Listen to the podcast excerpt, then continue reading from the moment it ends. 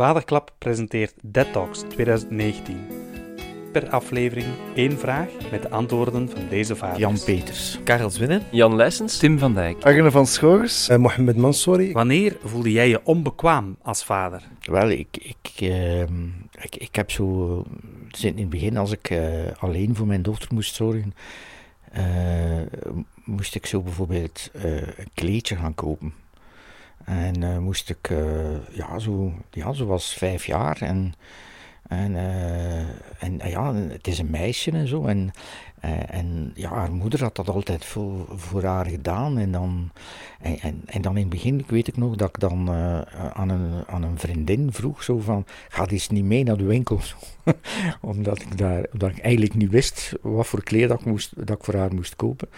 Uh, en dan, ja, dan leerde dat natuurlijk ook allemaal. Dus allee, het, is, het niet dat je daar als man incompetent voor bent of zo, maar dat is eigenlijk omdat je daar een hele tijd niet mee bezig geweest bent. En dan.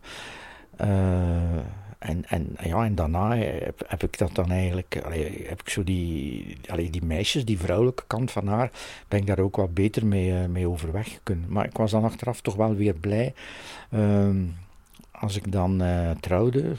En uh, dat er dan weer een vrouw in, in het leven kwam, omdat, om, omdat ik dat soms toch wel, als ze dan ouder worden en zo, dat dat eigenlijk is heel moeilijk om als vader bijvoorbeeld te gaan, allee, te gaan praten over, uh, naar uw dochters die, die haar maandstonden gaat krijgen, of zo, ik zeg maar iets. Allee, er, er zijn zo een aantal dingen die, die toch wel, uh, allee, toch wel blij zijn dat er dan dat er dan vrouwen zijn in, in de omgeving van, van het kind die dat, allee, die, die dat op zich nemen. Want het zijn dingen waar als man allee, moeilijk kunt over babbelen, omdat je er ook geen ervaring mee hebt.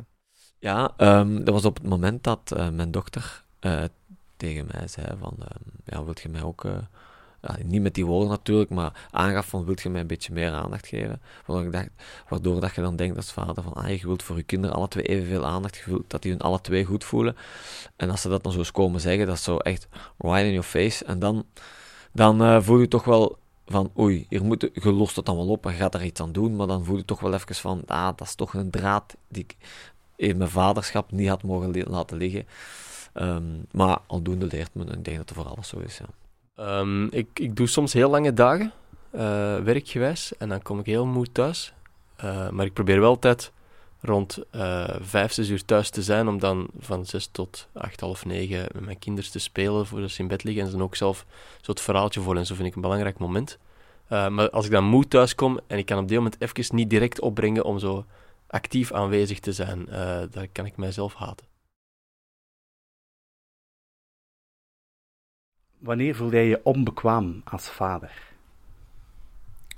Vaak eigenlijk. Dat is een continu gegeven. Je, er is geen handboek. Um, je moet altijd zoeken hoe dat je het doet. Uh, op het moment zelf een, een, oplossing zoeken, een weg vinden. Uh, maar echt onbekwaam... Ja, je doet je best, hè. je kunt niet meer doen. Uh, dus als je ervoor gaat en, en je zet je altijd 100% in, dan, dan, is dat het beste, denk ik. Dan moet je je er zelf ook niet echt kwalijk uh, nemen dat het niet altijd lukt. Je moet gewoon gaan en, en dan zien we maar. Hè. Weet je nog een concreet voorval dat je met je mond vol tanden stond? Heel dom eigenlijk, maar op kleren kiezen bijvoorbeeld. Um, op de momenten dat mijn vrouw uh, s morgens moet gaan werken en ik bijvoorbeeld de baby moet uh, de zak voor de crash maken of, of de kleertjes moet aandoen, dan is dat nogal vaak van wat ligt het dichtste bij. Zo had ik heel concreet um, is afgesproken met mijn dochter in Leuven.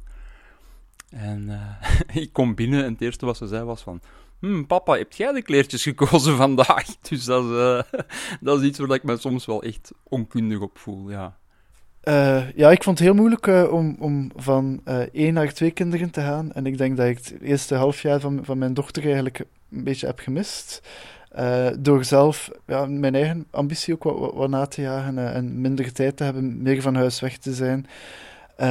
daardoor mij, mijn vriendin ook wel in de steek te laten op dat vlak. Maar vooral, ik heb mijn, mijn dochter echt pas goed leren kennen toen dat ze al, al een half jaar was. Ik heb die inhaalbeweging heel fel moeten inzetten. Het is mij gelukt ondertussen. Uh, ze gaat uh, morgen naar school, de eerste schooldag trouwens. Uh, en ik, ja, ja, ik, ik, ik vind het wel spijtig, om, omdat mijn zoon... Ja, daar stond ik het wel. En, en ik vind dat... Allez, ik voel een persoonlijk falen, maar het is niet dat ik daar nu heel treurig moet over doen. Ik moet er gewoon uit de toekomst met mijn best doen. Ja, zeker, zeker. Dus wanneer dat ik eigenlijk vermoeid ben, prikkelbaar ben, dan, dan voel ik op dat moment dat ik eigenlijk niet uh, reageer vanuit een opvoedkundig uh, handeling, maar vooral vanuit eigenlijk die prikkelbaarheid en vermoeidheid. Dus ik probeer op dat moment geduld te hebben. Ik probeer mijn opvoeding even uit te stellen en dan pas wanneer dat ik terug ben op een normale, eh, ik zou zeggen, eh, niveau, dan probeer ik verder eigenlijk eh, met mijn kinderen verder te gaan over uh, en verder te bespreken. Ja. Wilt u meer weten over Vaderklap? Surf dan naar vaderklap.be. Daarop vindt u relevante blogartikels, het boek, het videokanaal Vadervuur, de Vaderklap Dag, het audiokanaal Studio Vaderklap en u vindt ook meer via Facebook en Instagram. Dead Talks 2019 werd mede mogelijk gemaakt door de Vlaamse overheid, Buitendenker en De Kleine Chef.